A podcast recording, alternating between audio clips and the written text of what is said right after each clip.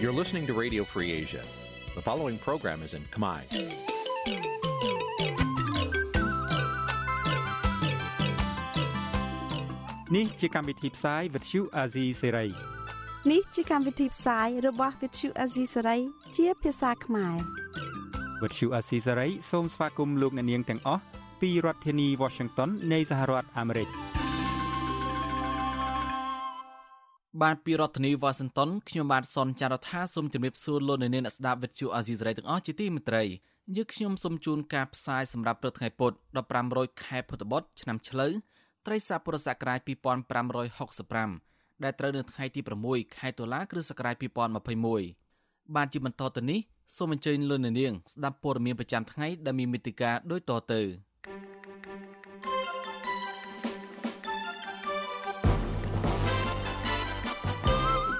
មន្ត្រីសិទ្ធិមនុស្សរដ្ឋាភិបាលថានឹងមិនទទួលយកអនុសាសន៍របស់អ្នករាយការណ៍ពិសេសអង្គការសហប្រជាជាតិដែលមានចរិតនយោបាយទេសញ្ញាតសមអ្នកជំងឺ Covid-19 បម្រើការងារនៅក្រុមហ៊ុនបនលបែង Capsenu ប្តឹងក្រុមហ៊ុនឲ្យទទួលខុសត្រូវផ្ដោតសំណងអ្នកខ្លមមើលសង្គមថាជោគជ័យនៃការចាក់វ៉ាក់សាំងចិនអាចបណ្ដាលមកពីការបង្ខិតបង្ខំនិងភាពគ្មានជំរឿ សញ្ញាអ្នកចាប់ឃុំប្រពៃពិធីបុណ្យភ្ជុំបិណ្ឌឆ្នាំនេះទាំងសោកសៅ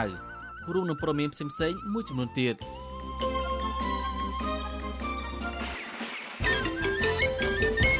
បានជាបន្តទៅនេះខ្ញុំបានសនចាររថាសូមជូនព័ត៌មានពិស្ដាមន្ត្រីសិទ្ធិមនុស្សរដ្ឋាភិបាលបញ្ជាក់ចំហថាកម្ពុជានឹងមិនទទួលយកអនុសាសន៍ទាំងឡាយណា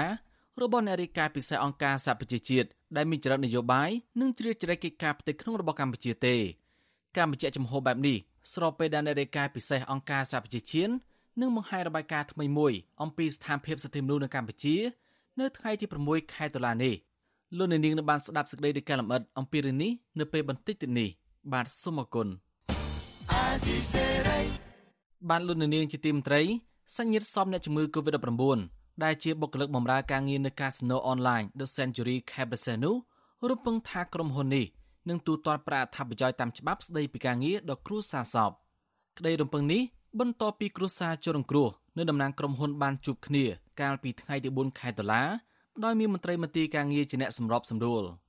សហជីពនិងអ្នកច្បាប់ស្នើអាជ្ញាធរពាក់ព័ន្ធស៊ើបអង្កេតបនលបែងអនឡាញនេះបន្ទាប់ពីបុគ្គលិកបានលាតត្រដាងព័ត៌មានថាមានករណីរំលោភច្បាប់លួងលោមឲ្យបុគ្គលិកធ្វើការទាំងមានជំងឺ Covid-19 រហូតដល់មានបុគ្គលិកម្នាក់បានស្លាប់ថែមទៀតបានពីរដ្ឋធានីវ៉ាស៊ីនតោន អ្នកស្រីខែសំណងរាយការណ៍ព័ត៌មាននេះសាច់ញាតិសពអ្នកជំងឺ Covid-19 ជាបុគ្គលិកបម្រើការងារនៅកាស៊ីណូអនឡាញ The Century ខេត្តប្រស័យនុកំពុងរងចាំការឆ្លើយតបផ្ដាល់សំណងពីភាគីក្រុមហ៊ុនបន្ទាប់ពីបានដាក់ពាក្យប្តឹងទៅមន្ទីរការងារឲ្យអន្តរាគមន៍ករណីនេះ។ ក្មួយប្រុសរបស់សពកញ្ញាហ៊ានស្រីនិចបុគ្គលិកកាស៊ីណូអនឡាញ The Century លោករស់លេងឲ្យដឹងថាមន្ត្រីមន្ទីរការងារបានទទួលពាក្យបណ្ដឹងរបស់គ្រួសារសពកាលពីថ្ងៃច័ន្ទទី4ខែតុលាដែលពួកគាត់បានប្តឹងទាមទារឲ្យក្រុមហ៊ុនកាស៊ីណូនេះផ្ដល់សំណងដល់គ្រួសារសពដែលបានឈឺស្លាប់ក្នុងកន្លែងបំពេញការងារ លោកថាលោកនិងម្ដាយសពនៅថ្ងៃដដែលនោះក៏បានជួបជាមួយតំណាងខាងរដ្ឋបាលក្រុមហ៊ុនតាមវីដេអូខលដែលមានការសម្របសម្រួលពីប្រធានមន្ទីរការងារជជែកគ្នាអំពីការទៀមទានេះប៉ុន្តែលោកថានៅមិនទាន់មានការសន្យាឬដំណោះស្រាយណាមួយជាក់លាក់ពីខាងក្រុមហ៊ុនថាយ៉ាងណានៅឡើយទេ ខ្ញុំអាហ្នឹងខ្ញុំរំពឹងទៅលើមន្ទីរការងារដែរនេះព្រោះដោយសារអីព្រោះគេបានអះអាងច្បាស់លាស់ថានឹងផ្ដល់មតិយោបល់ហ្នឹងឲ្យយើងវិញនៅពេលដែលគេបានព័ត៌មានពីខាងកាស៊ីណូនេះព្រោះមួយខំថាមានដំណោះស្រាយពីខាងកាស៊ីណូណាបើសម្រាប់ខ្ញុំហ្មងណាព្រោះខ្ញុំគិតថាវាជារឿងដែលយើងមិនអាចទទួលយកបានក៏ប៉ុន្តែបើសិនជាគេឲ្យចំណងខ្លះហើយខ្ញុំក៏សួរទៅខាងយាយដែលម៉ាក់ជាងចំណុចហ្នឹងដែរ បើសិនជាគាត់អាចទទួលយកបានខ្ញុំក៏ទទួលយកបានដែរតែបើសិនជាគាត់មិនអាចទទួលយកបានខ្ញុំក៏មិនអាចទទួលយកបានដូចគ្នាណាគ្រូថាតែគាត់នៅធ្វើការនៅទីតាំងហ្នឹងហើយទីតាំងហ្នឹងក៏រដ្ឋបាលពីមន្ទីរការងារក៏បានយកកន្លែងហ្នឹងជាអន្តរកាលនៃការចាត់ការលិខិតដែរលោកពទ្យុអាស៊ីសេរីមិនអាចតាក់ទងអ្នកគ្រប់គ្រងធនធានមនុស្សនៅកាស៊ីណូ The Century លោកសំណាង និងប្រធានមន្ទីរការងារនិងបណ្ដុះបណ្ដាលវិជ្ជាជីវៈខេត្តប្រសេនុលោកយៅខេមរាដើម្បីឆ្លើយតបសំណើរបស់គ្រួសារសពបាននៅឡើយទេ កាលពីថ្ងៃទី5ខែតុលាដោយទូរស័ព្ទហៅចូលតែគ្មានអ្នកទទួលប៉ុន្តែលោកយៅខេមរាប្រាប់វិទ្យុអាស៊ីសេរីកាលពីថ្ងៃទី2ខែតុលាថាករណីស្លាប់ដោយជំងឺ Covid-19 នេះពុំត្រូវបានរ៉ាប់រងដោយបេឡាជាតិរបបសន្តិសុខសង្គមនោះឡើយប៉ុន្តែអាចមានជាជំនួយសង្គមខ្លះតាមរយៈការចរចាជាមួយភាគីក្រុមហ៊ុន និងសុំគោលការណ៍ពីស្ថាប័នពាក់ព័ន្ធពីរដ្ឋាភិបាលដូចជាក្រសួងសុខាភិបាលនិងក្រសួងសេដ្ឋកិច្ចជាដើម ប៉ុន្តែប្រធានសហភាពការងារកម្ពុជាលោកអាត់ធុនពុំយល់ដូច្នេះទេលោកថាបើសិនជាក្រុមហ៊ុនព្រមផ្ដល់សំណងដល់គ្រួសារសពតាមច្បាប់ដែលបានកំណត់ទើបក្រុមហ៊ុនអាចចាប់កាតព្វកិច្ចរបស់ខ្លួនពុំនោះទេ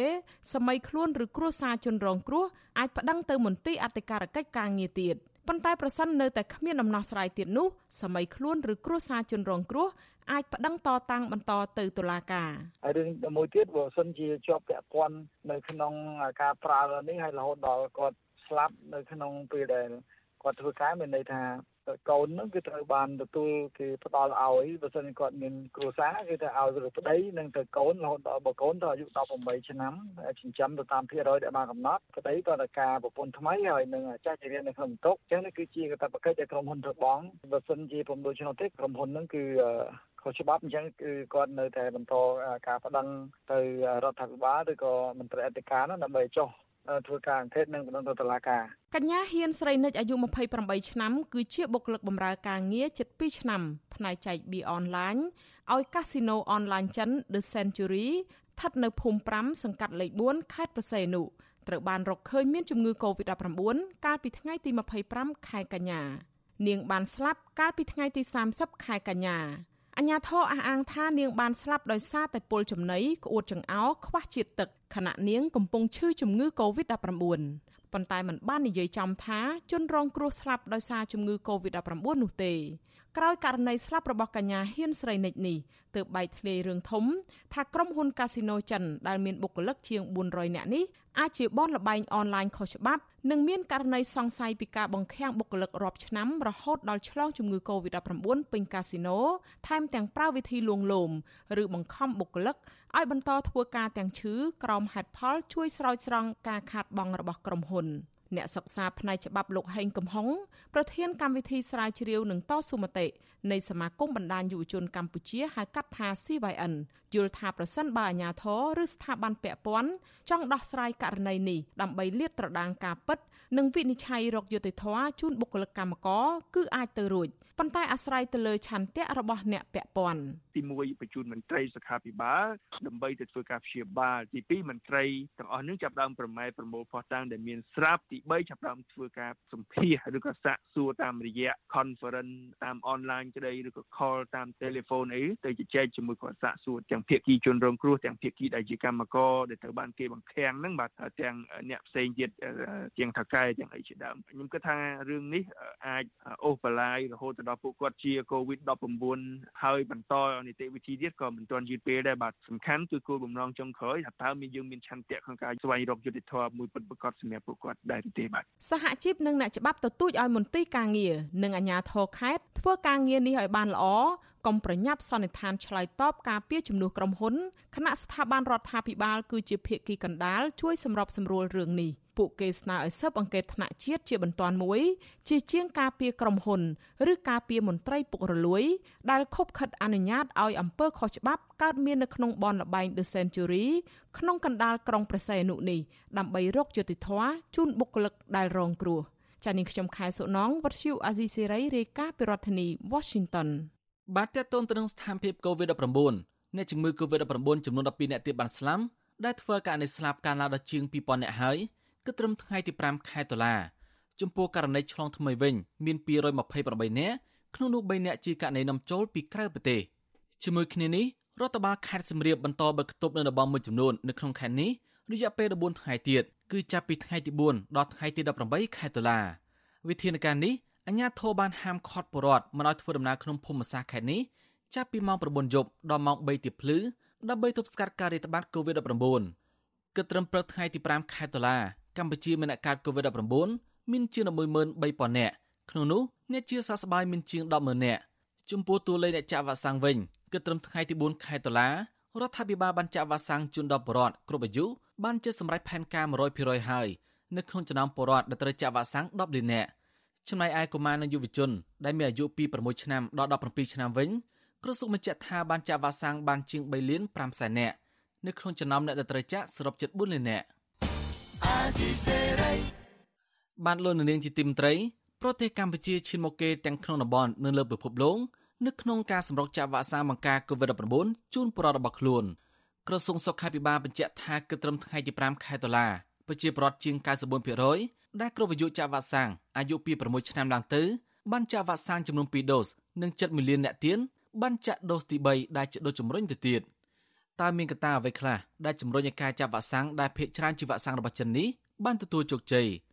បានលោកនាងនឹងបានស្ដាប់សេចក្តីរាយការណ៍នេះនៅពេលបន្តិចទៀតនេះបាទសូមអរគុណ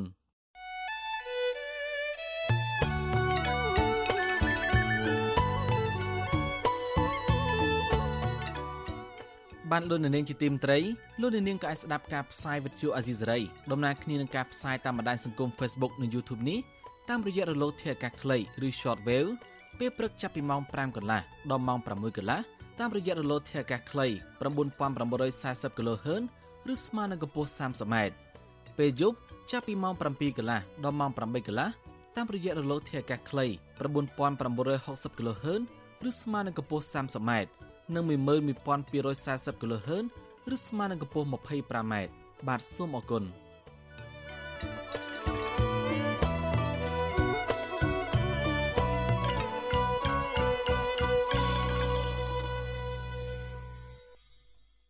បានលោកនាងជាទីមត្រី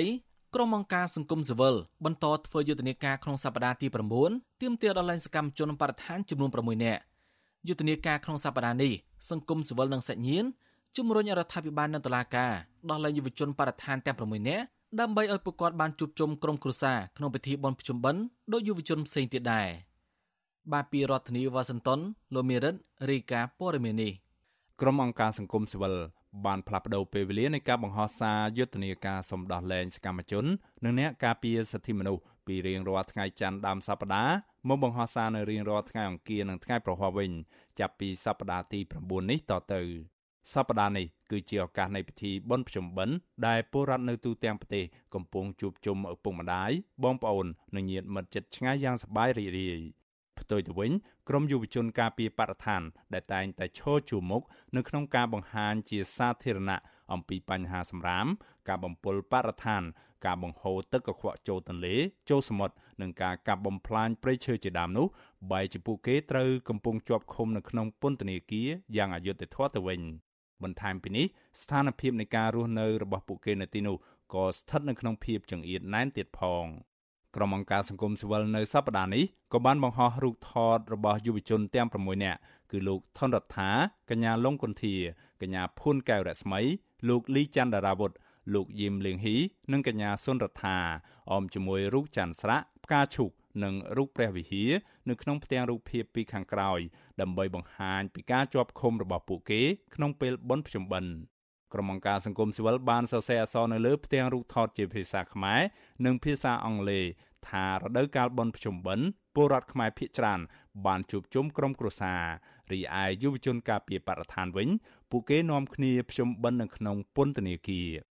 សង្គមស៊ីវិលបានស្នើសុំឲ្យពលរដ្ឋគ្រប់គ្រងនិងលើកទឹកចិត្តនៅរាល់សកម្មភាពរបស់សកម្មជនយុវជនបរិស្ថានទាំង6នាក់នេះព្រមទាំងសុំឲ្យពលរដ្ឋចូលរួមជួយចែករំលែករូបភាពទាំងអស់នេះផងប្រធានផ្នែកកម្មវិធីស្រាវជ្រាវនឹងតស៊ូមតិនៃសមាគមបណ្ដាញយុវជនកម្ពុជា ឬ CYN លោកហេងកំហុង សោកស្ដាយចំពោះសមត្ថកិច្ចដែលបានបន្តឃុំខ្លួនយុវជនបរិស្ថានទាំង6នាក់នេះមិនអោយពួកគាត់បានទៅជួបជុំក្រុមគ្រួសារដោយពលរដ្ឋដទៃគណៈសកម្មភាពកន្លងមករបស់ពួកគាត់គឺជាការការពារផលប្រយោជន៍រួមសុទ្ធសាធលោកហេងកំហុងមានបំណងស្នើសុំឲ្យរដ្ឋាភិបាល និងតុលាការទម្លាក់បទចោទនិងដោះលែងយុវជនទាំង6នាក់នេះនៅក្នុងឱកាសពិធីបុណ្យភ្ជុំបិណ្ឌនេះ ការខិតខំប្រឹងប្រែងរបស់ពួកគាត់នេះគឺពុំបានធ្វើឡើងដើម្បីតែបុគ្គលខ្លួនឯងទេគឺជាការខិតខំដើម្បីប្រយោជន៍រួមគឺគេថាខិតខំដើម្បីប្រជាជនកម្ពុជានឹងប្រយោជន៍ខ្ញុំសង្ឃឹមថាឱកាសបុណ្យភ្ជុំបិណ្ឌនេះនឹងក្លាយទៅជាទីមួយសម្រាប់បង្ហាញឲ្យឃើញថាយុត្តិធម៌សង្គមនឹងកើតមានឡើងនៅក្រោយពិធីបុណ្យភ្ជុំបិណ្ឌនេះជុំវិញយុទ្ធនាការនៅក្នុងសប្តាហ៍ទី9នេះ Visual C ស្រីមិនអាចសុំការបញ្ជាក់ពីអ្នកនាំពាក្យគណៈកម្មាធិការសិទ្ធិមនុស្សរបស់រដ្ឋាភិបាល លោកកតាអូននិងអ្នកនាំពាក្យរដ្ឋាភិបាល លោកផៃសិផានបាននៅឡើយទេក៏ប៉ុន្តែទោះជាយ៉ាងណាលោកកតាអូនធ្លាប់ប្រាប់វិសុយស៊ីស្រីថាសិទ្ធិនៃការធ្វើយុទ្ធនាការនេះមិនអាចមានអត្តពលទៅដល់សេចក្តីសម្រេចណាមួយរបស់តុលាការនោះទេចំណែកសាច់ញាតិរបស់យុវជនការពីបរិស្ថានទាំង6នាក់វិញពួកគេក៏ចង់ជួបមុខកូនប្រុសកូនស្រីរបស់ពួកគេនៅក្នុងពិធីបុណ្យភ្ជុំបិណ្ឌនេះដោយពលរដ្ឋផ្សេងទៀតដែរ ម្ដាយរបស់យុវជនលីចន្ទរាវុធដែលសុំមិនបញ្ចេញឈ្មោះឲ្យដឹងថាចាប់តាំងពីសមត្ថកិច្ចចាប់កូនប្រុសយកទៅឃុំខ្លួននៅក្នុងពន្ធនាគារមកលោកស្រីមិនដែលបានជួបមុខកូនផ្ទាល់នោះទេគឺលោកស្រីអាចឮសំឡេងកូន បានតែតាមទូរស័ព្ទតែប៉ុណ្ណោះហើយយូរយូរម្ដងទើបកូនប្រុសអាចហៅទូរស័ព្ទមកបានតែយ៉ាងណាលោកស្រីទំនងជានឹងបានជួបមុខកូននៅក្នុងពេលបុណ្យភ្ជុំបិណ្ឌនេះព្រោះយុវជនលីចន្ទរាវុធ បានទូរស័ព្ទមកប្រាប់លោកស្រីថាមន្ត្រីពន្ធនាគារអនុញ្ញាតឲ្យសាច់ញាតិមកជួបបាននៅរយៈពេល3ថ្ងៃនៃបុណ្យភ្ជុំបិណ្ឌនេះលោកស្រីត្រៀមធ្វើសម្លការីមួយឆ្នាំងធំដើម្បីយកទៅឲ្យកូនប្រុសនិងយុវជនការពារបរិស្ថានផ្សេងទៀតហូបនៅក្នុងពេលបុណ្យភ្ជុំបិណ្ឌ បន្ថែមពីនេះលោកស្រីគាំទ្រចំពោះយុទ្ធនាការរបស់ក្រុមអង្គការសង្គមស៊ីវិលនិងទទូចសុំឲ្យរដ្ឋាភិបាល និងតុលាការទម្លាក់ចោលបទចោទដោយដោះលែងយុវជនការពារបរិស្ថានទាំង6នាក់នោះឲ្យមានសេរីភាពឡើងវិញ។ ខ្ញុំក៏អរគុណសម្រាប់អង្គការសង្គមស៊ីវិលទាំងអស់និងយុទ្ធនាការផ្សេងៗទៀតចំពោះអ្វីដែលពួកគាត់បានធ្វើដើម្បីសកម្មជនបរិស្ថានក៏សូមឲ្យដំណើរការនេះអ្នកបន្តដើម្បីរៀនតបតអាវិញទៅពីព្រោះពួកគាត់អត់មានធ្វើអីដែលខុសច្បាប់ផងគិតត្រឹមថ្ងៃទី5ខែតុលាយុវជនការពីបរិស្ថានចំនួន3នាក់គឺលោកថនរដ្ឋាកញ្ញាលងកុនធា និងកញ្ញាភួនកែវរស្មីជាប់ក្នុងពន្ធនាគារម1និងម2ជាង1ឆ្នាំមកហើយ សាលាដំបូងរាជធានីភ្នំពេញបានផ្តន្ទាទោសកម្មជនទាំង3នាក់នេះឲ្យជាប់ពន្ធនាគារពី18ខែទៅ20ខែនៅក្នុងបទញុះញង់ឲ្យមានភាពវឹកវរធ្ងន់ធ្ងរដល់សន្តិសុខសង្គមក្រោយមកចៅក្រមស៊ើបសួរបានបើកការស៊ើបអង្កេតបទចោទបន្ថែមមួយទៀតគឺបទរួមគំនិតក្បត់ចំណែកឯយុវជន3នាក់ទៀតគឺលោកយឹមលៀងហ៊ីលោកលីចន្ទរាវុធនិងកញ្ញាសុនរដ្ឋា ជាប់ពន្ធនាគារម1និងម2ជាបណ្ដោះអាសន្នជាង3ខែមកហើយសំណុំរឿងរបស់យុវជនទាំង3នាក់នេះស្ថិតនៅក្នុងដំណាក់កាលនៃការស៊ើបអង្កេតនៅក្នុងបទរួមគំនិតក្បត់និងបទប្រមាថព្រះមហាក្សត្រពួកគាត់ទាំង6នាក់ត្រូវបានសមត្ថកិច្ចចាប់ឃុំខ្លួនដោយសារតែពាក់ព័ន្ធនឹងសកម្មភាពការពារនិងការរិះគន់រដ្ឋាភិបាលពាក់ព័ន្ធនឹងបញ្ហាបរិស្ថានខ្ញុំបាទមេរិត Visual C ស្រីរាយការណ៍ពីរដ្ឋធានី Washington បានលើនៅនាងជាទីមត្រីសញ្ញាអ្នកចាប់ឃុំប្រពៃពិធីបុណ្យភ្ជុំបិណ្ឌឆ្នាំនេះទាំងសោកសៅគណៈដែលអ្នកចាប់ឃុំដែលជាសកម្មជនដីធ្លីសកម្មជនបរិស្ថាននិងសកម្មជនបកប្រឆាំងកំពុងបាត់បង់សេរីភាពដោយសារការបំពេញការងាររបស់ខ្លួនអ្នកនាំពាក្យបកកណ្ដាលអំណាចថាក្រមសកម្មជនទៅនេះជាប់ពន្ធនាគារដោយសារប្រព្រឹត្តល្មើសច្បាប់ហើយសោកសៀពាក្យសម្ដីថាពួកអ្នកចាប់ឃុំទៅនេះអន់ជាងប្រែតរដូវភ្ជុំបិណ្ឌនេះទៅទៀតដោយសារមិនបានជួបសាច់ញាតិក្នុងរដូវបុណ្យទាន បាទពីរដ្ឋធានីវ៉ាស៊ីនតោនលោកសេបដិនរាយការណ៍ព័ត៌មាននេះខុសពីពលរដ្ឋទូទៅ ដែលកំពុងជួបជុំក្រុមគ្រួសារសប្បាយរីករាយនឹងពិធីបុណ្យភ្ជុំបិណ្ឌឆ្នាំនេះសាច់ញាតិអ្នកធ្វើការងារសង្គមនិងសកម្មជនគណៈបកប្រឆាំងបែរជាកាត់ទុកក្រៀមក្រោះព្រោះប្តីនិងកូនរបស់ពួកគេ កំពុងជាប់នៅក្នុងពន្ធនាគារម្ដាយប្រតិជគុណកើតសរាយលោកស្រីច័ន្ទយ៉ែមរៀបរាប់ទាំងអួលអថាពេលឃើញគេជួបជុំសាច់ញាតិ រីឯក្រុមគ្រួសាររបស់លោកស្រីមិនបានជួបជុំកូនចៅបែបនេះធ្វើឲ្យលោកស្រីប្រារព្ធពិធីបុណ្យភ្ជុំបិណ្ឌទាំងទឹកភ្នែកស្ត្រីវ័យ75ឆ្នាំរូបនេះថាទោះបីជាកូនប្រុសមិនអាចមកជួបជុំសាច់ញាតិនៅស្រុកកំណើតក៏ដោយចុះក៏លោកស្រី បានយកនំអន្សមនិងថវិកាខ្លះផ្ញើឲ្យកូននៅពន្ធនាគារ អត់មានរីករាយសប្បាយចិត្តទេព្រោះណាមួយអត់មានបានជុំកូនណាមួយដូចជាយាយដូចជាវាអត់សូវមានលុយកាក់ធ្វើបន់គេផងហើយណាមួយកូនអត់ជួបជុំគ្នាតែក្នុងចិត្តយាយអត់មានសុបាយទេអញ្ញាធននៃរដ្ឋាភិបាលលោកហ៊ុនសែនបានចាប់ខ្លួនប្រតិជនកើតសារាយនិងយុវជន6នាក់ទៀតដាក់ពន្ធនាគារជាបន្តបន្ទាប់កាលពីអំឡុងខែសីហា និងខែកញ្ញាឆ្នាំ2020 ដោយចោទប្រកាន់ពីបទញុះញង់ឲ្យប្រព្រឹត្តបទឧក្រិដ្ឋឬញុះញង់ឲ្យបង្កភាពវឹកវរធ្ងន់ធ្ងរដល់សន្តិសុខសង្គមដើមហេតុនៃការចាប់ខ្លួននេះ គឺដោយសារពួកគាត់តវ៉ាដោយសន្តិវិធីទាមទារឲ្យដោះលែងមេដឹកនាំសហជីពលោករងឈុននិងមានគម្រោងប្រមូលផ្ដុំធ្វើបាតកម្មទាមទារយុត្តិធម៌សង្គមនៅទីលានប្រជាធិបតេយ្យស្រដៀងគ្នានេះដែរប្រពន្ធសកម្មជនគណៈបកប្រឆាំងលោកគង់ម៉ាស់ លោកស្រីកលសាទប្រាប់ថារដូវបុណ្យទានលោកស្រីបានជួបរឿងអាក្រក់ផ្ទួនផ្ទួនក្រោយពីប្តីជាប់ពន្ធនាគារដោយម្ដាយក្មេកទើបទទួលមរណភាពហើយលោកស្រីទើបជួបគ្រោះថ្នាក់ចរាចរណ៍កាលពីពេលថ្មីថ្មីនេះថែមទៀតលោកស្រីថាគ្រោះសារលោកស្រីឆ្នាំនេះមិនបានរៀបចំពិធីបុណ្យភ្ជុំបិណ្ឌដោយក្រុមគ្រួសារខ្មែរផ្សេងទៀតឡើយ ជុំយាយតាបងប្អូនមើលទៅគេសាច់ញាតិគេទៅស្ងាត់ស្រុកអស់នៅតែខ្ញុំពីអ្នកម៉ែកូននៅម៉ងម៉ងនឹងបងឲ្យខ្ញុំជាជួបការលំបាកណាស់ហើយតកតងនឹងការធ្វើទុកបុកម្នេញលើសកម្មជននយោបាយនិងអ្នកធ្វើការងារសង្គមបែបនេះសកម្មជនគណៈបកសង្គ្រោះជាតិលោកស្រីលេងសុធារី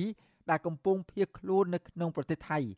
និងមានជំនាញច្រៀងពីបញ្ហាសង្គម បានច្រៀងរៀបរាប់ពីទុកសោករបស់សកម្មជននយោបាយដែលត្រូវរដ្ឋាភិបាលលហ៊ុនសែនធ្វើទុកបុកម្នេញ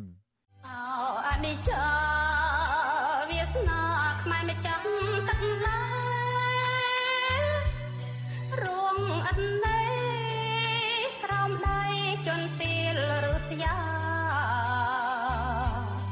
ចាប់ស្រស់ស្រាយមិនបាច់មានទោសឡើយ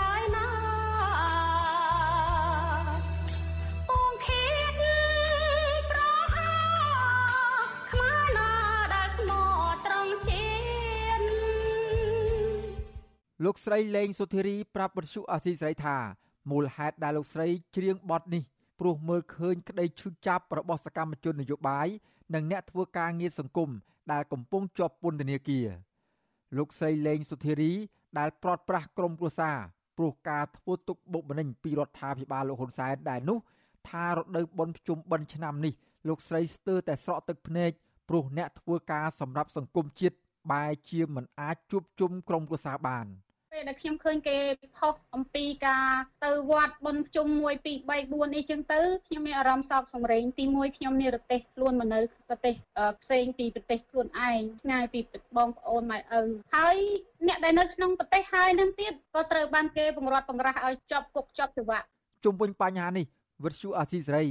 មិនទាន់អាចសុំការបំភ្លឺពីអ្នកនាំពាក្យពន្ធនាគារលោកនុតសាវណ្ណាបានទេ កាលពីថ្ងៃទី5ខែតុលា ទោះយ៉ាងណាអគ្គនាយកដ្ឋានពន្ធនាគារឲ្យដឹងថាអគ្គនាយកដ្ឋានពន្ធនាគារបានអនុញ្ញាតឲ្យមានរៀបចំពិធីសាសនាក្នុងឱកាសបុណ្យកាន់បិណ្ឌនិងភ្ជុំបិណ្ឌនៅតាមមណ្ឌលអប់រំកែប្រែ និងតាមពន្ធនាគាររាជធានីខេត្តដោយត្រូវអនុវត្តតាមវិធានរបស់ក្រសួងសុខាភិបាលសេចក្តីជូនដំណឹងនៃអគ្គនាយកដ្ឋានពន្ធនាគារកាលពីថ្ងៃទី2ខែតុលាបានឲ្យដឹងថា មានការអនុញ្ញាតឲ្យសាច់ញាតិអាចមកសួរសុខទុក្ខអ្នកជាប់ឃុំអាចផ្ដល់អាហារនិងសម្ភារៈសម្រាប់មណ្ឌលកែប្រែ និងពន្ធនាគាររាជធានីខេត្តដែលស្ថិតនៅក្នុងតំបន់ហានិភ័យនៃការឆ្លងរីករាលដាលនៃជំងឺ Covid-19 ដោយឡែកពន្ធនាគារដែលមានហានិភ័យខ្ពស់មិនអនុញ្ញាតឲ្យមានការសួរសុខទុក្ខទេ តែអាចផ្ញើអាហារនិងសម្ភារៈតាមមន្ត្រីពន្ធនាគារបាន។ ដោយឡែកអ្នកនាំពាក្យគណៈបកប្រជាជនកម្ពុជាលោកសុកអេសាននិយាយថាអ្នកជាប់ឃុំទាំងនោះមិនអាចជួបជុំសាច់ញាតិនារដូវភ្ជុំបិណ្ឌព្រោះពួកគេប្រព្រឹត្តល្មើសច្បាប់លោកថែមទាំងនិយាយចំអកលក់លើថា អ្នកជាប់ឃុំទាំងនោះថាអន់ជាងប្រែទៅទៀតត្បិតអ្នកទាំងនោះមិនអាចជួបជុំសាច់ញាតិរបស់ខ្លួនបាន ក្នុងឱកាសបុណ្យទាននេះ វាអន់ជាងប្រែតទៅទៀតហ្នឹងនិយាយរួមប្រែតហ្នឹងថ្ងៃជុំបិណ្ឌដោះលែងមកមកមកយកចំណីចំណុកអាហារផ្សេងផ្សេងនៅតាមវត្តអារាមតែដល់តែយើងនេះតនដិតនេះវាអត់គេអត់ដោះលែងឲ្យចេញមកបានខ្ញុំថាវាអន់ជាងប្រែតទៅឆ្លើយតបទៅនឹងសម្ដីរបស់អ្នកនាំពាក្យគណៈបកកណ្ដាលអំណាចនេះប្រពន្ធសកម្មជនគណៈបកប្រឆាំងលោកគង់ម៉ាស់គឺលោកស្រីកលសានិយាយថា លោកស្រីហួសចិត្តនៅពេលឃើញអ្នកចេះដឹង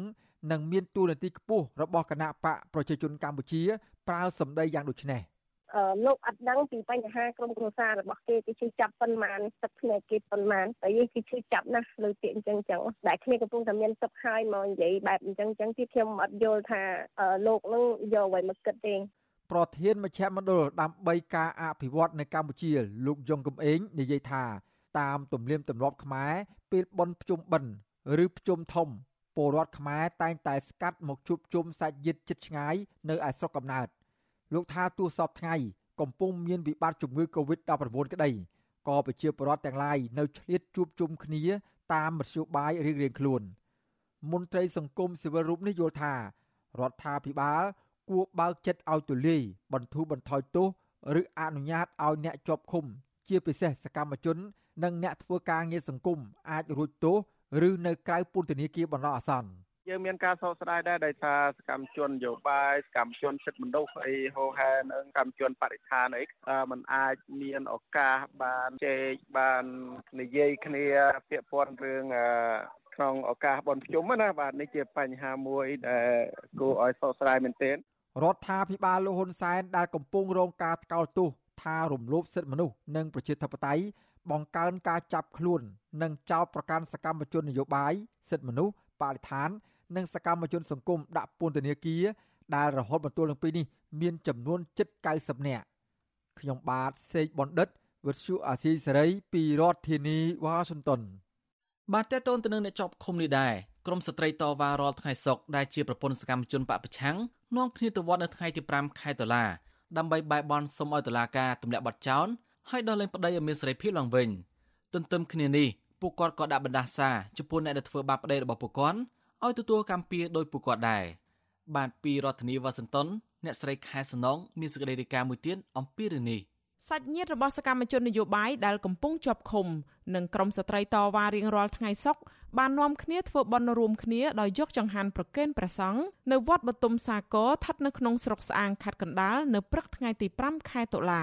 ពួកគាត់រំពឹងថាអានិសង្ឃនៃមគ្គផលបនភ្ជុំបិណ្ឌនឹងជំរុញតុលាការដោះលែងប្តីនិងឪពុករបស់ពួកគេឆាប់ឆាប់សមាជិកក្រុមស្ត្រីតវ៉ាថ្ងៃសុកគឺជាប្រពន្ធរបស់សមាជិកក្រុមប្រឹក្សាខេត្តកំពង់ធំជាប់ឆ្នោតនៃគណៈបកសង្គ្រោះជាតិលោកសុនធនគឺលោកស្រីសេងចន្ទថនឲ្យដឹងថាពួកលោកស្រីបានបួងសួងវត្ថុស័ក្តិសិទ្ធិជួយឃុំក្រងនិងថែរក្សាអ្នកនយោបាយកំពុងជាប់ឃុំនៅក្នុងពន្ធនាគារឲ្យជួបតែសេចក្តីសុខ និងសូមឲ្យអ្នកក្បត់ជាតិពិតប្រាកដវិនិច្ឆ័យសាបសូន្យ។បារមីព្រះអង្គសូមឲ្យវត្ថុស័ក្តិសិទ្ធិទាំងប្រមាណហ្នឹងជួយធ្វើយ៉ាងណាដើម្បីផ្ដន់ទាទោសទៅលើអ្នកជនអាក្រក់ជនក្បត់ជាតិពិតប្រកបហ្នឹងឲ្យវារលាយវិនិច្ឆ័យសាបសូន្យទៅតាមហ្នឹងទៅហើយសូមឲ្យអ្នកដែលស្រឡាញ់ជាតិស្រឡាញ់ទឹកដីហ្នឹងមានសិទ្ធិសេរីភាពមកវិញការយកចង្ហាន់ទៅវត្តរបស់ក្រមស្ត្រីថ្ងៃសុកនៅថ្ងៃទី5ខែតុលាមិនរងការបង្ក្រាបឬហាមឃាត់ពីប៉ូលីស ដោយការតវ៉ាឬការដាក់ញត្តិនៅតាមស្ថានទូតនាពេលកន្លងមកនោះទេចំណែកស្ថានភាពអ្នកនយោបាយកំពុងជាប់ឃុំនៅក្នុងពន្ធនាគារវិញពួកគាត់បានទូរស័ព្ទទៅប្រាប់សាច់ញាតិថាខាងពន្ធនាគារព្រៃសរម1បានអនុញ្ញាតឲ្យសាច់ញាតិជួបអ្នកជាប់ឃុំបានរយៈពេល3ថ្ងៃនៃពិធីបុណ្យភ្ជុំបិណ្ឌគឺពីថ្ងៃទី5ដល់ថ្ងៃទី7ខែតុលាក្រុមស្ត្រីទាំងនោះក៏បានរៃអង្គាសលុយគ្នាដើម្បីធ្វើនំបញ្ចុក ក្រងយកទៅឲ្យជនជាប់ឃុំនៅក្នុងពន្ធនាគារនៅថ្ងៃទី6ខែតុលាពាក់ព័ន្ធករណីនេះវត្តឈូអាស៊ីសេរីមិនអាចសុំការបញ្ជាក់បន្ថែមពីអ្នកនាំពាក្យអគ្គនាយកដ្ឋានពន្ធនាគារលោកនុតសវណ្ណានៅថ្ងៃទី5ខែតុលាបានទេប៉ុន្តែកាលពីថ្ងៃទី2ខែតុលាអគ្គនាយកដ្ឋានពន្ធនាគារលោកឆែមសវុតបានចេញលិខិតសម្រេចអនុញ្ញាតឲ្យសាច់ញាតិបានចូលជួបសួរសុខទុក្ខអ្នកជាប់ឃុំ និងអនុញ្ញាតឲ្យរៀបចំពិធីសាសនានៅក្នុងឱកាសបុណ្យកាន់បិណ្ឌនិងភ្ជុំបិណ្ឌចំពោះតំបន់ដែលមានហានិភ័យទាបនៃការឆ្លងរាលដាលជំងឺ Covid-19 ចំពោះមណ្ឌលអប់រំកែប្រែនិងពន្ធនាគារដែលស្ថិតនៅក្នុងតំបន់ហានិភ័យនៃការរាតត្បាតជំងឺ Covid-19 គឺមិនអនុញ្ញាតឲ្យសាច់ញាតិជួបសួរសុខទុក្ខទេ តែសាច់ញាតិអាចផ្ញើម្ហូបអាហារនិងសម្ភារៈផ្សេងផ្សេងតាមរយៈមន្ត្រីពន្ធនាគារនិងការអនុវត្តវិធានការសុខាភិបាលឲ្យខ្ជាប់ខ្ជួនទោះជាយ៉ាងណាខាងអគ្គនាយកដ្ឋានពន្ធនាគារនៅមិនទាន់បង្ហាញថាពន្ធនាគារឬមណ្ឌលអប់រំកែប្រែណាខ្លះដែលស្ថិតនៅក្នុងតំបន់ហានិភ័យកម្រិតណានោះឡើយមន្ត្រីសង្គមស៊ីវិលស្វាគមន៍ចំពោះការអនុញ្ញាតឲ្យសាច់ញាតិជួបសួរសុខទុក្ខ អ្នកជាប់ឃុំនិងហៅការបែបបន់របស់ក្រមស្ត្រីទាំងនេះថាជាសិទ្ធិនៃជំនឿសាសនារបស់ប្រជាពលរដ្ឋ អ្នកនាំពាក្យសមាគមការពារសិទ្ធិមនុស្សអាត់ហុកលោកសង្សានករណាព្រួយបារម្ភថាបើស្ថានភាពនយោបាយនៅតែគ្មានដំណោះស្រាយដោយសពថ្ងៃនេះអាចជះឥទ្ធិពលមិនល្អនិងអាចបណ្ដាលឲ្យអ្នកនយោបាយបន្តជាប់ឃុំកាន់តែយូរទៀតបើសិនជាមិនមានការផ្ដល់នៅក្តីអាណិតអាសូរឬក៏មេត្តារឿងទាំងអស់នឹងទេខ្ញុំគិតថាគ្មានការដោះលែងទេព្រោះស្ថានភាពទាំងឡាយនឹងខ្ញុំយល់ថាមានតែរងចាំនៅស្ថានភាពនយោបាយធូរស្រាលតែប៉ុណ្ណឹង នៅសប្តាហ៍នេះដែរក្រមស្ត្រីនឹងផ្អាកការចេញតវ៉ាសិនព្រោះស្ថាប័នមួយចំនួនត្រូវឈប់សម្រាកក្នុងឱកាសពិធីបុណ្យភ្ជុំបិណ្ឌប៉ុន្តែនៅថ្ងៃសុក្រសប្តាហ៍ក្រោយពួកគាត់នឹងយកញត្តិទៅដាក់នៅតាមបណ្ដាស្ថានទូតនានាបន្តទៀតដើម្បីជំរុញឲ្យមានការដោះលែងប្តីរបស់ពួកគាត់ឲ្យមានសេរីភាពវិញអញ្ញាធររបបក្រុងភ្នំពេញបានចាប់ខ្លួនសកម្មជននយោបាយសកម្មជនសង្គម សកម្មជនសិទ្ធិមនុស្សនិងបរិស្ថានជិត90នាក់ដាក់ពន្ធនាគារដោយចោទប្រកាន់ពីបទញុះញង់រួមគំនិតក្បត់ ជេរប្រមាថរដ្ឋាភិបាល និងបទប្រមាថព្រះមហាក្សត្រសង្គមស៊ីវិលជាតិនិងអន្តរជាតិនិងក្រុមអ្នកជំនាញសិទ្ធិមនុស្សនៃអង្គការសហប្រជាជាតិបានទាមទាររបបក្រុងភ្នំពេញបញ្ឈប់ការធ្វើទុកបុកម្នេញការចាប់ខ្លួនសកម្មជនតាមទំនឹងចាត់បន្តទៀតនិងត្រូវដោះលែងពួកគេឲ្យមានសេរីភាពឡើងវិញចា៎នេះខ្ញុំខែសុណងវັດឈូអាស៊ីសេរីរាយការណ៍ពីរដ្ឋធានី Washington បានលើនាងជាទីមត្រី មន្ត្រីសិទ្ធិមនុស្សរដ្ឋាភិបាលបញ្ជាក់ចំហថាកម្ពុជានឹងមិនទទួលយកអនុសាសន៍ទាំងឡាយណារបស់នារីការពិសេសអង្គការសហប្រជាជាតិដែលមានចរិតនយោបាយនិងជ្រៀតជ្រែកកិច្ចការផ្ទៃក្នុងរបស់កម្ពុជាទេការបញ្ជាក់ចំហបែបនេះកើតមានឡើងស្របពេលដែលនារីការពិសេសអង្គការសហប្រជាជាតិនឹងបង្ហាញរបាយការណ៍ថ្មីមួយអំពីស្ថានភាពសិទ្ធិមនុស្សនៅកម្ពុជា នៅថ្ងៃទី6ខែតុលានេះបាទសូមលោកនាងរងចាំស្ដាប់សេចក្តីរាយការណ៍នេះនៅពេលបន្តិចទៀតនេះបាទសូមអរគុណ បានលោកនាងជាទីមត្រីប្រជាប្រដ្ឋខេត្តស្ទឹងត្រែងនិងមន្ត្រីអង្គការសង្គមស៊ីវិលបារម្ភអំពីករណីគ្រឿងញៀនហូរចូលពីប្រទេសឡាវរាលដាលដល់សហគមន៍កាន់តែច្រើនឡើងដោយគ្មានសញ្ញាថយចុះទេបើទោះបីជាមានការបង្ក្រាបជាបន្តបន្ទាប់ក៏ដោយពួកគាត់អំពាវនាវអភិបាលខេត្តដែលទៅតែងតាំងថ្មីលោកស្វាយសំអៀងទប់ស្កាត់ករណីនេះឲ្យមានប្រសិទ្ធភាពតាមការណែនាំរបស់រដ្ឋមន្ត្រីក្រសួងមហាផ្ទៃលោកសខេង បាទពីរដ្ឋធានីវ៉ាស៊ីនតោនអ្នកស្រីម៉ៅសុធីនីរាយការណ៍ព័ត៌មាននេះមន្ត្រីសង្គមស៊ីវិលនិងប្រជាពលរដ្ឋនៅខេត្តស្ទឹងត្រែងអះអាងថាយុវជននៅមូលដ្ឋានកាន់តែច្រើនបានប្រើប្រាស់គ្រឿងញៀននិងបង្កហិង្សាក្នុងគ្រួសារប៉ះពាល់អសន្តិសុខសង្គមពួកគេសង្កេតឃើញថាកន្លងទៅសមត្ថកិច្ចបង្ក្រាបគ្រឿងញៀនបានជាហូរហែប៉ុន្តែការចែកចាយនិងការសែបគ្រឿងញៀនកាន់តែកើនឡើងបើធៀបឆ្នាំកន្លងទៅ។ ជាបរដ្ឋនៅឃុំកាំងចាមស្រុកថាឡាបរវត្តលោកខេងខូប្រាប់វិទ្យុអស៊ីសេរី នៅថ្ងៃទី5ខែតុលាថាអ្នកកាប់ឈើនិងដឹកជញ្ជូនឈើខ្លះ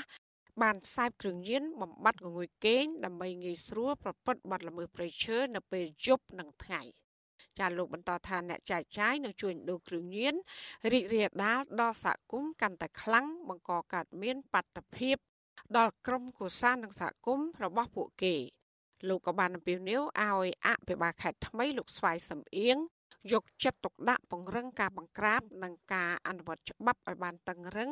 ដោយមានការចូលរួមផ្តល់ព័ត៌មានពីប្រជាប្រដ្ឋនិងសហគមន៍មូលដ្ឋាន។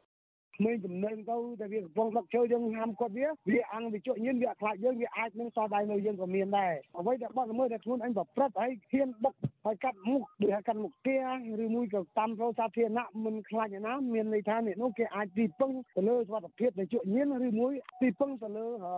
អ្នកនៅក្រោយខ្នងណា ចាស់ស្តៀងឃ្លីនេះដែរបរដ្ឋម្នាក់ទៀតរស់នៅក្រុងស្ទឹងត្រែងលោកអៀងរ៉ាសង្កេតឃើញថាយុវជនមួយចំនួនសែបគ្រឿងញៀនបែបអនាធបត័យតាមគុំព្រៃសាលារៀននិងនៅកន្លែងដែលស្ងាត់ស្ងាត់ចាលោកបញ្ជាក់ថាការបង្ក្រាបរបស់អាជ្ញាធរនៅមានតិចតួចនៅឡើយស្របពេលដែលអ្នកប្រើប្រាស់កាន់តែមានចំនួនច្រើន លោកបន្ថែមថាយុវជនសាបគ្រឿងញៀនបង្កហិង្សាក្នុងគ្រួសារលួចឆក់ក្នុងភូមិបណ្ដាលឲ្យកើតអសន្តិសុខសង្គមជាច្រើននៅរយៈពេល2ឆ្នាំចុងក្រោយនេះចាការលើកឡើងទាំងនេះក៏នៅបន្ទាប់ពីរដ្ឋមន្ត្រីក្រសួងមហាផ្ទៃលោកសខេងកាលពីថ្ងៃទី4ខែតុលាបានប្រកាសមុខតំណែងលោកស្វាយសំអៀងជាអភិបាលខេត្តតឹងត្រែងថ្មីជំនួសលោកមុំសារឿន ចាក្នុងឱកាសនោះលោកសខេងបានណែនាំឲ្យអភិបាលខេត្តថ្មីត្រូវពង្រឹងយន្តការបង្ក្រាបគ្រឿងញៀនដែលហូរចូលពីប្រទេសឡាវតាមច្រករបៀងឲ្យមានប្រសិទ្ធភាពគឺគ្មានបទល្មើសលួចឆក់ប្លន់គ្រឿងញៀនលបែងទីសងក្នុងច្បាប់និងបទល្មើសគ្រប់ប្រភេទទាំងត្រៃរបស់យើងគឺជាច្រកលួចរត់គ្រឿងញៀនចូលក្នុងប្រទេសតាមច្រកព្រំដែនខេត្តស្ទឹងត្រែងយើងខេត្តព្រះវិហារក៏មានដែរចូលពីខាងឡាវមក ចាឆ្លើយតបរឿងនេះអ្នកនាំពាក្យសាលាខេត្តស្ទឹងត្រែងលោកម៉ែនគង់ប្រាប់វិទ្យុអសីស្រីថាអនុសាសន៍របស់ថ្នាក់ដឹកនាំជាចង្អុលទិសឲ្យអាជ្ញាធរមូលដ្ឋាន ដាក់ចេញផែនការសកម្មភាពមកអនុវត្តឲ្យមានប្រសិទ្ធភាព លោកថាអាញាធរខេត្តស្ទឹងត្រែងនិងអាញាធរឡាវបានសហការគ្នាល្អទប់ស្កាត់ការជួញដូរគ្រឿងញៀនដោយផ្ដល់ព័ត៌មានឲ្យគ្នាទៅវិញទៅមកផ្អែកតាមកំណត់ហេតុព្រមព្រៀងគ្នាទប់ស្កាត់គ្រឿងញៀនឆ្លងកាត់ព្រំដែននៃប្រទេសទាំងពីរ ជាណានយោយើងអនុវត្តគឺយើងផ្ដល់ព័ត៌មាននេះជាដំបូងទី2គឺកម្លាំងត្រួតពិនិត្យការអនុវត្តច្បាប់គ្រឿងញៀនតាមបទព្រំដែនតែពេលដែលអាចរកឃើញការនៅបទល្មើសហើយគឺត្រូវអនុវត្តតាមវិធានការបាននេះថាទោះបីជាជនជាតិឡាក្រីជនជាតិខ្មែរក្រីឬក៏ជនបរទេសជាមន្ត្រីសម្របសម្រួលសមាគមអាត់ហុកខេត្តតឹងត្រែងលោកប៊ីវ៉ានីសង្កេតឃើញថាសមត្ថកិច្ចបង្ក្រាបគ្រឿងញៀនទ្រង់ទ្រាយធំនិងតូច បានច្រើនករណីនាពេលកន្លងទៅ ប៉ុន្តែការជួញដូរនិងការសាបគ្រឿងញៀនវិញ គឺនៅតែកើតមានច្រើនលោកថាយុវជនសាបគ្រឿងញៀនបានរៀបដាលដល់សហគមន៍ជនជាតិដើមភាគតិច នៅតំបន់ដាច់ស្រយាលគ្រប់តំបន់ដែលទាមទារឲ្យសមត្ថកិច្ចពាក់ព័ន្ធត្រូវពង្រឹងយន្តការអនុវត្តគោលនយោបាយភូមិឃុំសង្កាត់ឲ្យមានប្រសិទ្ធភាពបន្ថែមទៀត សំណពរដែរសូមឲ្យរៀបចំផែនការយុទ្ធសាស្ត្រជាថ្មីក្នុងការរឹតបន្តឹងហើយចំពោះអ្នកដែលពាក់ព័ន្ធនឹងបញ្ហាគ្រឿងញៀនគឺត្រូវតែធ្វើការអនុវត្តច្បាប់ជាពិសេសគឺពាក់ព័ន្ធជាមួយនឹងអាជ្ញាធរប៉ូលីសអីជាដើមដែលគាត់មានពាក់ព័ន្ធនឹងបញ្ហាគ្រឿងញៀនហ្នឹងបញ្ហាគ្រឿងញៀនដែលដែលមានដល់មូលដ្ឋានហ្នឹងតើថ្នាក់ជាតិបានបានតាមដានរាល់ភារកិច្ចរបស់ពួកគាត់ឬនៅបើសិនជាថ្នាក់ជាតិអត់ទាន់បានតាមដានទេខ្ញុំសំណពរថាសូមឲ្យក្រសួងមហាផ្ទៃបង្កើតគណៈកម្មការត្រួតពិនិត្យទូនីតិរបស់ប៉ុស្តិ៍និងអធិការឡើងវិញ ជាមន្ត្រីសង្គមស៊ីវិលរូបនេះបន្ថែមថាការនាំចូលគ្រឿងញៀនពីប្រទេសឡាវឆ្លងតាមច្រករបៀងទាំងផ្លូវគោកនិងផ្លូវទឹកមកកម្ពុជាក្នុងខេត្តតឹងត្រែងគឺកើតមានច្រើនដោយសារតែលក្ខណៈភូមិសាស្ត្រតំបន់នោះសម្បូរទៅដោយព្រៃភ្នំនិងទន្លេដែលជាមូលហេតុធ្វើឲ្យសមត្ថកិច្ចពិបាកទប់ស្កាត់ រីឯប្រជាពលរដ្ឋរស់នៅគៀកតំបន់ព្រំដែនឡាវភ ieck ច្រើន គឺនិយាយប្រស្រ័យតាក់ទងគ្នាជាភាសាឡាវហើយដែលទាមទារឲ្យសមត្ថកិច្ចគួរតែចេះភាសាឡាវក្នុងការស៊ើបអង្កេតករណីនេះការរបាយការណ៍របស់អគ្គស្នងការដ្ឋាននគរបាលជាតិបង្ហាញថាបាត់ល្មើសគ្រឿងញៀនក្នុងឆ្នាំ2020គឺបានកើនឡើងជាងឆ្នាំ2019 ក្នុងឆ្នាំ2020សមត្ថកិច្ចបង្ក្រាបបានបាត់ល្មើសគ្រឿងញៀនជាង10000ករណីដោយឃាត់ខ្លួនមនុស្សបានជាង20000នាក់ចំណែកឯកាលពីឆ្នាំ2019វិញសមត្ថកិច្ចក៏បានបង្ក្រាបបានជិត10000ករណីនិងឃាត់ខ្លួនជនសង្ស័យបានប្រមាណ20000នាក់ ជាមន្ត្រីសង្គមស៊ីវិលសង្កេតឃើញថាការអនុវត្តគោលនយោបាយរបស់ក្រសួងមហាផ្ទៃគឺគ្មានប្រសិទ្ធភាពដោយសារតែសមត្ថកិច្ចខ្លះមានជាប់ពាក់ព័ន្ធនឹងបទល្មើសគ្រឿងញៀនប្រព្រឹត្តអំពើពុករលួយ ក្នុងការចាប់ និងដោះលែងទៅវិញជាពិសេស គឺมันអាចបង្ក្រាបមេខ្លោងដែលជាឈ្មួញគ្រឿងញៀនធំធំ ជាប់ខ្សែស្រឡាយអ្នកមានឥទ្ធិពលចាននាងខ្ញុំម៉ៃសុធានីវិទ្យុអសីស្រីប្រធានាធិបតី Washington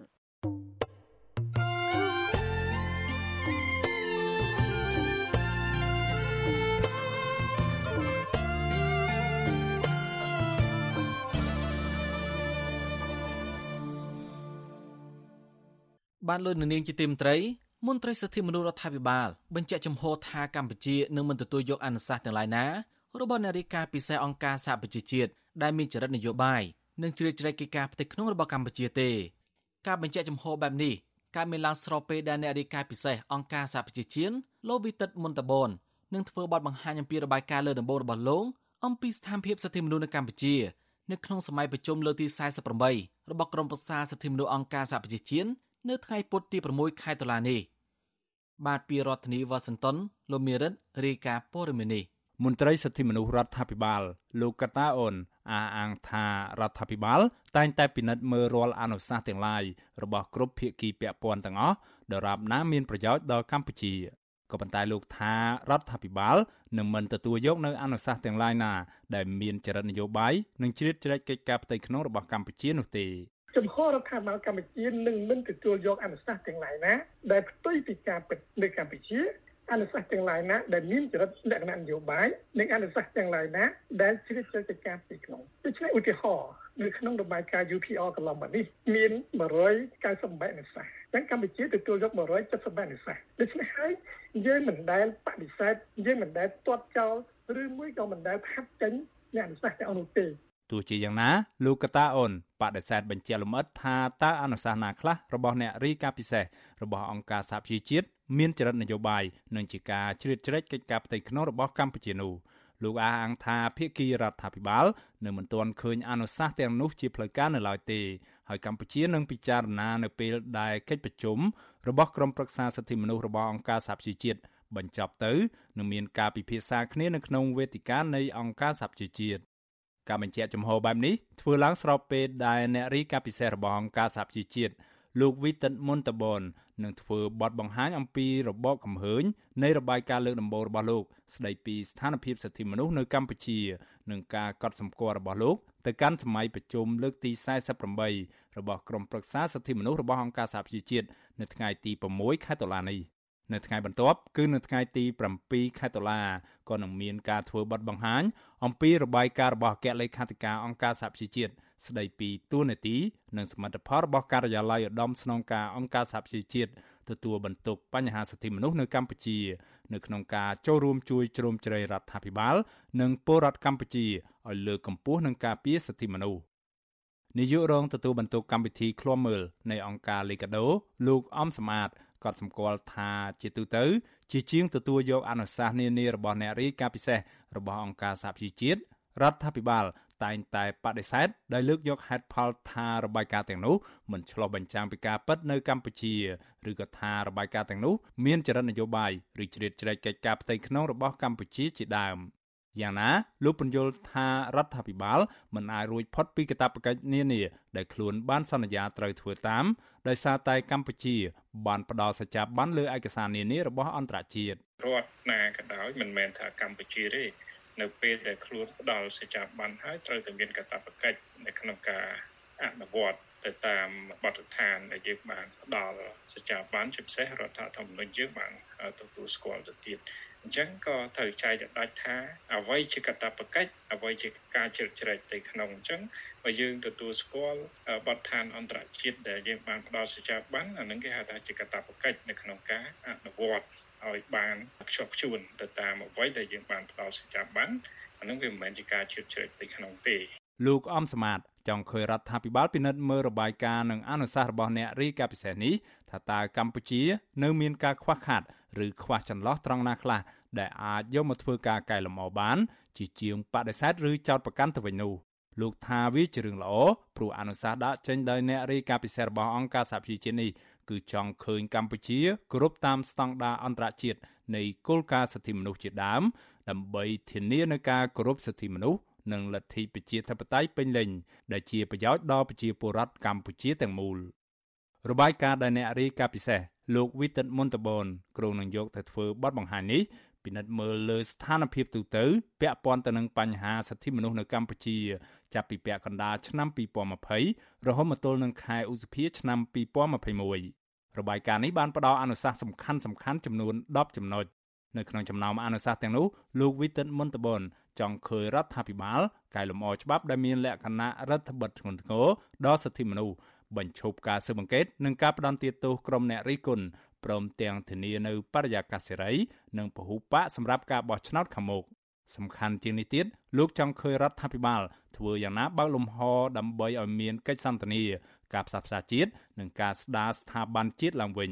លោកប្រមានថាសុខសន្តិភាពសិទ្ធិមនុស្សនិងលទ្ធិប្រជាធិបតេយ្យព្រមទាំងការអភិវឌ្ឍប្រកបដោយចីរភាពមិនអាចសម្រេចទៅបាននៅកម្ពុជានោះទេលុះត្រាណាតែអំណាច ត្រូវបានចែករំលែកនៅក្នុងចំណោមគ្រប់ភាគីពាក់ព័ន្ធដែលមានភាពចម្រុះដើម្បីឲ្យពួកគេម្នាក់ម្នាក់ទទួលបានអារម្មណ៍ថាពួកគេគឺជាម្ចាស់កំណត់ជោគវាសនារបស់ប្រទេសជាតិទាំងអស់គ្នាខ្ញុំបាទមេរិត Visual C ស្រីរាយការណ៍ពីរដ្ឋធានី Washington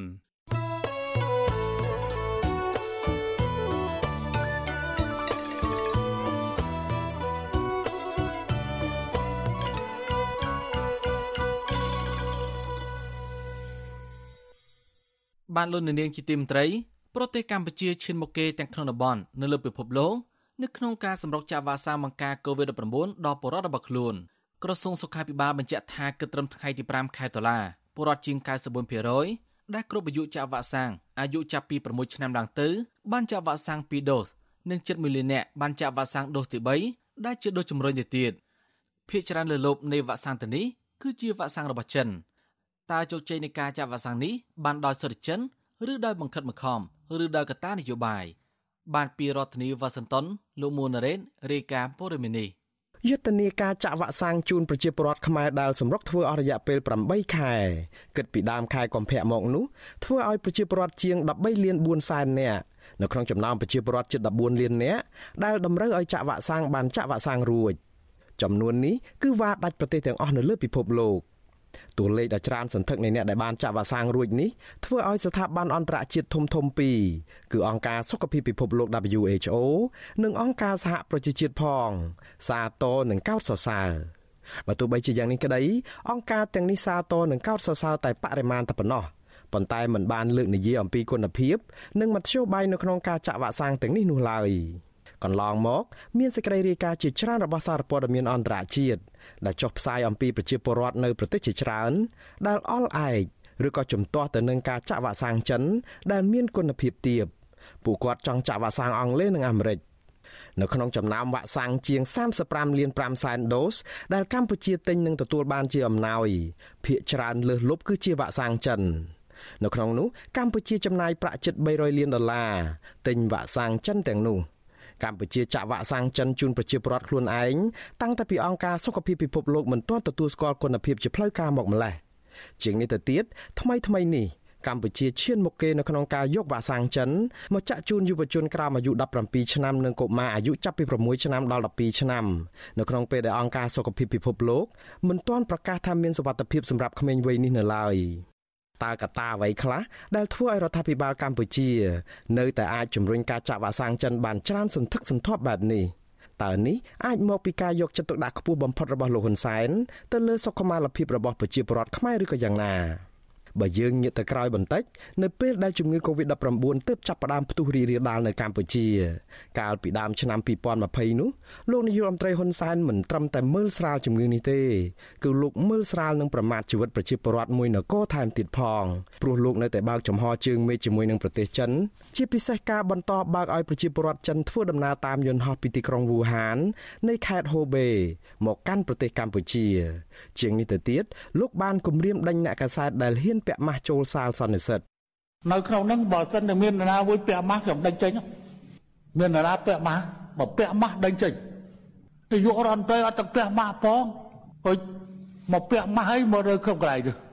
ណានេះអត់មាននរណាពាក់ម៉ាស់ទេបើសិនតែពាក់ម៉ាស់ខ្ញុំដេញចេញអត់ឲ្យនៅទៅហើយហើយតែទៅទីជាមួយម៉ាស់ទៅនៅជាមួយម៉ាស់ខ្លាមិនខ្លាចទៅខ្លាចអាចខ្លាឆ្ងល់រឿងកន្លែងហ្នឹង អត់តន់មកម្នាក់ផងមិនតែប៉ុណ្ណោះលោកបញ្ចេញព័ត៌មានឲ្យមានការភ័ន្តច្រឡំដោយប្រាប់ប្រជាពលរដ្ឋថាទាល់តែសេះដោះស្នែងទើបមានជំងឺ Covid-19 នៅកម្ពុជាប្រហែលជាដល់ថ្ងៃ31ខែ2នោះទើបមានជំងឺនឹងកើតឡើង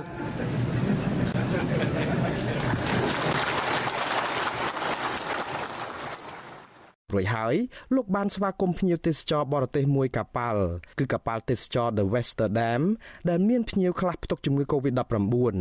ឲ្យចូលចតនៅកំពង់ផែខេត្តប្រស័យអនុបើទោះបីជាប្រទេសចំនួន6នៅក្នុងតំបន់មិនហ៊ានឲ្យកប៉ាល់នេះចូលចតនៅក្នុងប្រទេសគេទេព្រោះខ្លាចឆ្លងជំងឺនេះដល់ប្រជាពលរដ្ឋរបស់គេ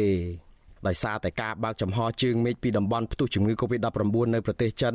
មកកាន់កម្ពុជា នៅចុងខែមករាឆ្នាំ2020អ្នកដំណើរម្នាក់ជាជនជាតិចិនធ្វើដំណើរដោយត្រង់ពីទីក្រុងវូហាន មកក្រុងប្រស័យអនុត្រូវបានក្រសួងសុខាភិបាលរកឃើញថាផ្ទុកជំងឺ Covid-19 ជាលើកដំបូងនៅកម្ពុជាក្រោយៗមកទៀតការរីករាលដាលនៃជំងឺ Covid-19 នេះចាប់ផ្ដើមរីកធំជាលំដាប់រហូតដល់ផ្ទុះករណីចម្លងនៅក្នុងសហគមន៍ដោយសារតែជនជាតិចិនចំនួន4នាក់បានលួចចេញពីមណ្ឌលចតាល័យស័កទៅលេងក្លឹបកំសាន្តនៅក្រុងភ្នំពេញរហូតចម្លងជំងឺនេះពាសវាលពាសកាល។ ស្របពេលជាមួយគ្នានោះប្រទេសចិនក៏កំពុងតែសាកល្បងនឹងពិសោធន៍វ៉ាក់សាំងបង្ការជំងឺ Covid-19 របស់ខ្លួននៅប្រទេសជាច្រើនប្រទេសកម្ពុជា ស្ថិតនៅក្នុងចំណោមប្រទេសមួយដែលទទួលបានវ៉ាក់សាំងពិសោធន៍នេះព្រោះអង្គការសុខភាពពិភពលោកមិនទាន់ទទួលស្គាល់នៅឡើយយុទ្ធនាការចាក់វ៉ាក់សាំងនេះបានចាប់ផ្ដើមពីដើមខែកុម្ភៈពលរដ្ឋច្រើនណាស់បង្ហាញជំហរមិនចង់ចាក់វ៉ាក់សាំងចិនសូម្បីតែលោកហ៊ុនសែនផ្ទាល់ក៏មិនព្រមចាក់វ៉ាក់សាំងចិននេះដែរដោយលោកយកលេសថាលោកលើសអាយុ តែតាមការពិតវ៉ាក់សាំងចិនអាចចាក់ពលរដ្ឋនៅក្នុងវ័យលោកបានសន្ទុះនៃការចាក់វ៉ាក់សាំងចិននេះប្រព្រឹត្តទៅកើមកើមយឺតដូចខ្យងព្រោះមិនសូវមានការគ្រប់គ្រងពីប្រជាពលរដ្ឋទូទៅ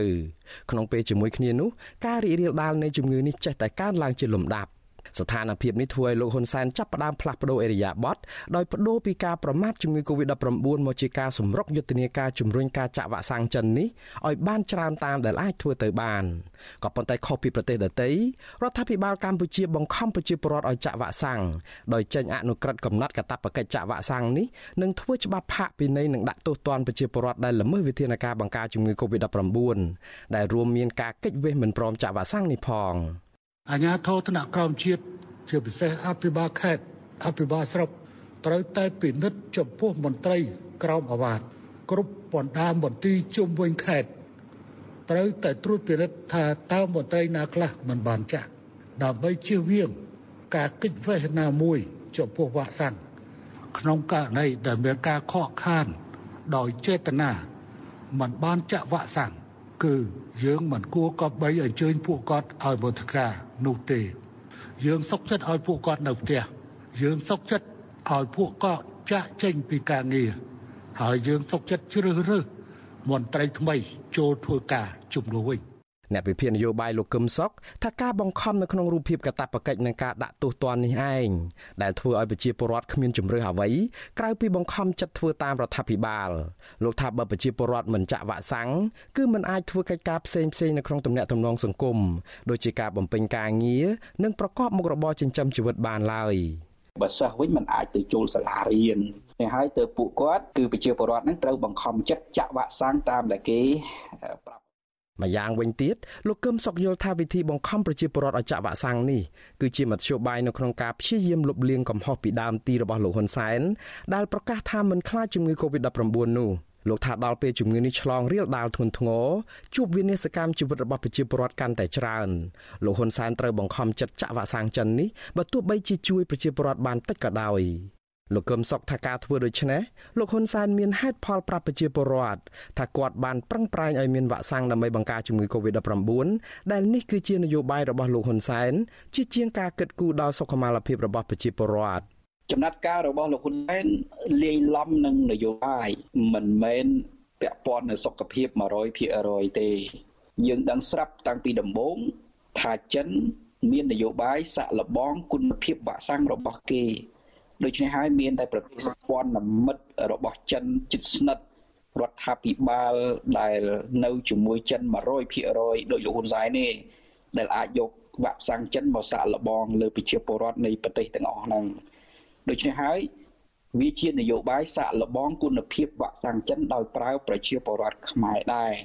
អ្នកឯកទេសផ្នែកវិទ្យាសាស្ត្រយល់ថាការចាក់វ៉ាក់សាំងចិនបានច្រើនភ្លុកទឹកភ្លុកដីនេះ អាចមកពីកត្តានៃការខ្វះព័ត៌មានពិតនិងឯករាជ្យពីអ្នកជំនាញផ្នែកវិទ្យាសាស្ត្រសម្រាប់ប្រជាពលរដ្ឋធ្វើការសម្រេចចិត្តនិងការធ្វើតាមគ្នាប្រធានសមាគមគ្រូពេទ្យគុណធម៌កម្ពុជាលោកអ៊ូចវុធីថាការធ្វើតាមគ្នានេះធ្វើឲ្យអ្នកខ្លះអួតសម្ញែងបានចាក់វ៉ាក់សាំងទាំងមិនដឹងថាវ៉ាក់សាំងនោះមានគុណភាពឬយ៉ាងណានោះផងយើងគិតមើលចាក់ដបងជួរទី1 យើងគិតឲ្យសិតតាហ៊ានបលិសហើយនឹងពេទ្យមកជំនុំទៅចាក់ក្រោយមកឈឺគ្រប់គ្នាជួនកាលអ្នកខ្លះរហូតដល់ស្លាប់ដល់ទៅគេហៅចំណូលតាមគ្នាទៅចាក់ទៅអីតាមគ្នាហើយមិនគិតថាយើងចេះដឹងប៉ុណ្ណឹងដែរយើងត្រូវសិក្សាខ្លួនយើងតើខ្លួនយើងវាមានវាមានអីខ្លះនៅក្នុងខ្លួនវាមានជំងឺអីខ្លះគេហៅអ៊ុយមួយនីតេប្រព័ន្ធការពារខ្លួនយើងហ្នឹងវាមានកម្រិតម៉ានហើយទៅចាក់វ៉ាក់សាំងហ្នឹង អ្នកឯកទេសផ្នែកវិទ្យាសាស្ត្ររូបនេះអំពាវនាវឲ្យមន្ត្រីឯកទេសនិងអ្នកជំនាញផ្សេងផ្សេងហ៊ាននិយាយការពិតដើម្បីឲ្យប្រជាពលរដ្ឋដឹងអំពីវ៉ាក់សាំងនិងផលប៉ះពាល់របស់វា ដើម្បីជួយដល់ការសម្រេចចិត្តត្រឹមត្រូវរបស់ប្រជាពលរដ្ឋអ្នកសិក្សានឹងឃ្លាំមើលការអភិវឌ្ឍសង្គមវិញលោកយល់ថាពលរដ្ឋអាចគ្មានជំរឿសដែរនៅក្នុងការទទួលយកវ៉ាក់សាំងចិននេះព្រោះពួកគាត់ឆាប់ភ័យខ្លាចក្រោយមានអ្នកស្លាប់ដោយសារតែជំងឺ Covid-19 កាន់តែកើនឡើង លោកបណ្ឌិតមាសនេះថាសម្ពាធច្បាប់និងអនុក្រឹត្យដែលកំណត់កាតព្វកិច្ចចាក់វ៉ាក់សាំងនិងភាពភ័យខ្លាចឆ្លងជំងឺនិងខ្លាចស្លាប់ផងនោះទើបប្រជាពលរដ្ឋនាំគ្នាទៅចាក់វ៉ាក់សាំងច្រើនយ៉ាងនេះ ដោយសារតែយើងថាមកពីមិនមានជំនឿផងក៏ប៉ុន្តែដោយសារតែឃើញស្លាប់វាជាក់ស្ដែងពេកណាអញ្ចឹងទៅក៏នាំគ្នាមកចាក់ថ្នាំទៅហើយក្រោយមកក៏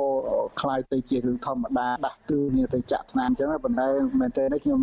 មើលជាជាពិតនិយាយដល់យុទ្ធធម៌ទៅគឺការចាក់វ៉ាក់សាំងនេះមិនឃើញមានការបខំពីឲ្យថាអ្នកឯងត្រូវទៅចាក់អីតាមតាមអីដូចជាអត់មានទេបាទ ក្រៅពីច្បាប់និងអនុក្រឹត្យស្តីអំពីកាតព្វកិច្ចចាក់វ៉ាក់សាំងឥឡូវនេះរដ្ឋបាលក្រុងភ្នំពេញចាប់ផ្ដើមឈានមួយជំហានទៀតដើម្បីដាក់សម្ពាធឲ្យប្រជាពលរដ្ឋដែលមិនទាន់ចាក់វ៉ាក់សាំងនាំគ្នាទៅចាក់វ៉ាក់សាំងឲ្យបានគ្រប់គ្នាតាមដែលអាចធ្វើទៅបានចាប់ពីថ្ងៃទី5ខែតុលាតទៅនៅក្រុងភ្នំពេញប្រជាពលរដ្ឋណាដែលគ្មានបានចាក់វ៉ាក់សាំងនឹងមិនអាចចូលសាលារៀនទីផ្សារនិងទីតាំងអាជីវកម្មនានានៅក្នុងក្រុងភ្នំពេញបានទៀតឡើយ។ សេចក្តីណែនាំរបស់រដ្ឋបាលក្រុងភ្នំពេញកាលពីថ្ងៃទី5ខែតុលាថាបុគ្គលដែលមានអាយុចាប់ពី18ឆ្នាំឡើងទៅត្រូវមានកាតព្វកិច្ចបង្ហាញបានចាក់វ៉ាក់សាំងបង្ការជំងឺ Covid-19 រាល់ពេលចេញចូលទីតាំងឬក៏ទីកន្លែងដូចជាគ្រឹះស្ថានសិក្សា ផ្សាររដ្ឋផ្សារឯកជន ផ្សារម៉ាតភោជនីយដ្ឋាន អាហារដ្ឋាន ហាងកាហ្វេ និងទីតាំងផ្សេងទៀតដែលត្រូវបានអនុញ្ញាតឲ្យបើកដំណើរការ។ ចំពោះក្មេងអាយុក្រោម18ឆ្នាំរហូតដល់6ឆ្នាំគឺតម្រូវឲ្យអាណាព្យាបាលបង្ហាញបានចាក់វ៉ាក់សាំងជំនួសពួកគេបើចង់ចូលទៅទីកន្លែងទាំងនោះនេះអាចជាកត្តាបង្ខំមួយទៀតដែលធ្វើឲ្យប្រជាពលរដ្ឋដែលអល់ឯករឿងចាក់វ៉ាក់សាំងចិនគ្មានជំរឿសអ្វីក្រៅពីនាំគ្នាទៅចាក់វ៉ាក់សាំងនេះដើម្បីសម្រួលបញ្ហាជីវភាពប្រចាំថ្ងៃ។ នាយកប្រតិបត្តិសម្ព័ន្ធគណនេយ្យភាពសង្គមកម្ពុជាលោកសនជ័យយល់ស្របថាលក្ខខណ្ឌកតាបកិច្ចនិងច្បាប់កូវីដមានភាពតឹងរ៉ឹងនិងជាកត្តាជំរុញឲ្យប្រជាពលរដ្ឋមិនអាចប្រកែករឿងវ៉ាក់សាំងនេះបានក៏ប៉ុន្តែលោកថាកត្តានៃការផ្ទុះរីករាលដាលលឿននៃមេរោគបំផ្លាញថ្មីប្រភេទ Delta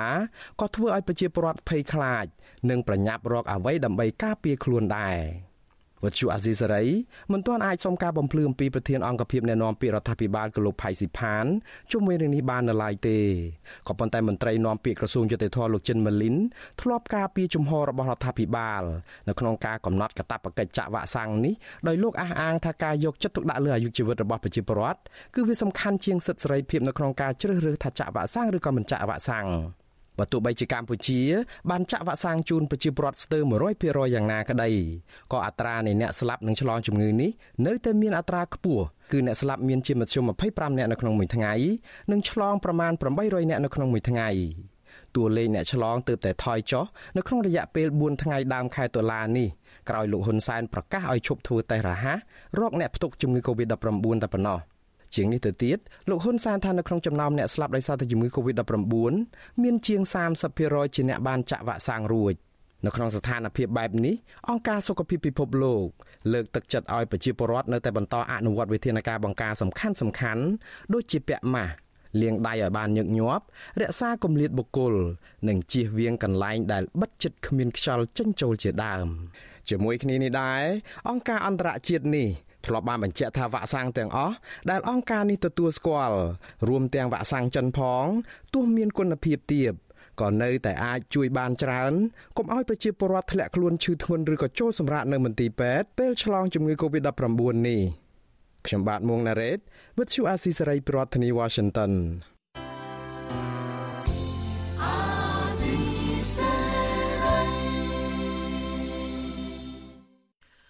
បានលោកនាងកញ្ញាអ្នកស្ដាប់វិទ្យុអាស៊ីសេរីជាទីមេត្រីការផ្សាយរយៈពេល1ម៉ោងនៃវិទ្យុអាស៊ីសេរីជាភាសាខ្មែរនៅពេលនេះចប់តែប៉ុណ្ណេះយើងខ្ញុំសូមជូនពរដល់លោកនាងព្រមទាំងក្រុមគ្រួសារទាំងអស់ឲ្យជួបប្រកបតែនឹងសេចក្តីសុខចម្រើនរុងរឿងកុំបីឃ្លៀងឃ្លាតឡើយខ្ញុំបាទសនចាររថាព្រមទាំងក្រុមការងារទាំងអស់នៃវិទ្យុអាស៊ីសេរីសូមអរគុណនិងសូមជម្រាបលា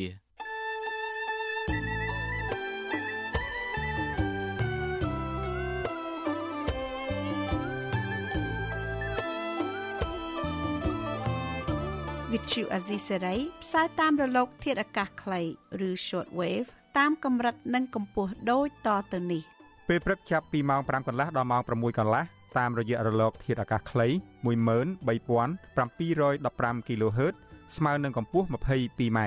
ពេលយប់ចាប់ពីម៉ោង7កន្លះដល់ម៉ោង8កន្លះតាមរយៈរលក ធាតុអាកាសខ្លី9960 kHz ស្មើនឹងកម្ពស់ 30m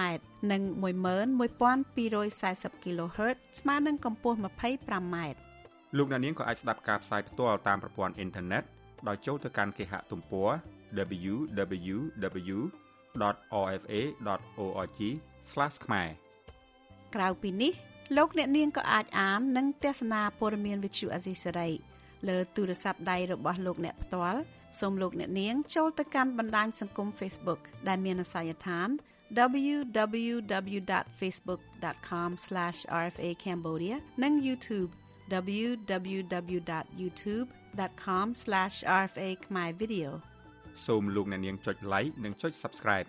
ដើម្បីទទួលបានព័ត៌មានថ្មីៗទាន់ហេតុការណ៍និងទស្សនាវីដេអូផ្សេងៗទៀតបានគ្រប់ពេលវេលា។